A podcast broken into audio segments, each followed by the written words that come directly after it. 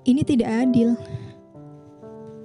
Sudah seharusnya aku dan dia memang berhenti bertemu.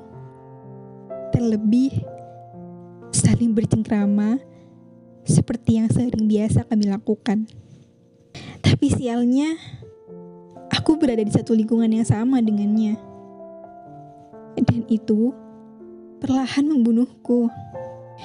Di setiap aku mencoba untuk tak lagi menyapanya, oleh karena aku tak mau jatuh cinta sendirian, ia akan mencoba ribuan cara agar bisa mendekat kepadaku.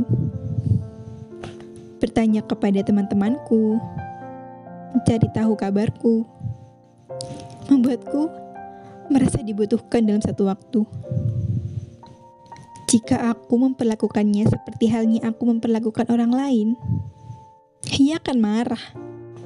Jika aku tidak memberitahu kabarku kepadanya, ia akan cemberut.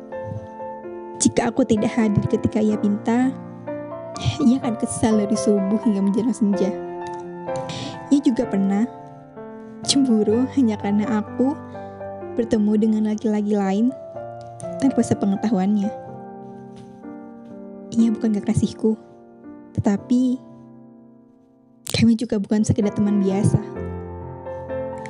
Setiap aku bertanya siapa kita, ia selalu tak menjawab.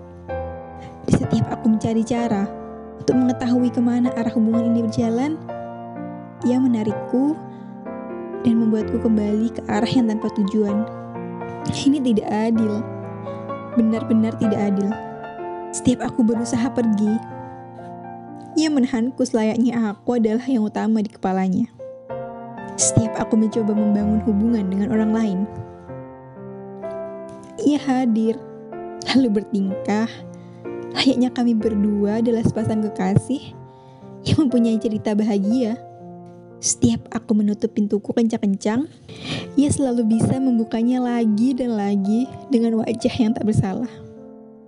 Ia bahkan pernah dengan jelas-jelas merencanakan tentang kehidupan kami berdua di masa depan. Jika kami berada dalam satu hubungan yang resmi. Namun, kami bukan sepasang kekasih ia memang tak mengingatku. Namun, hubungan ini hanyalah memindahkan tali di kakiku menjadi di leherku. Semakin aku memberontak, semakin mati aku dibuatnya. Kami berdua seperti dua sahabat baik yang aku menyintainya dengan sangat. Tapi di hatinya, aku tak lebih dari sekadar satu dari banyak.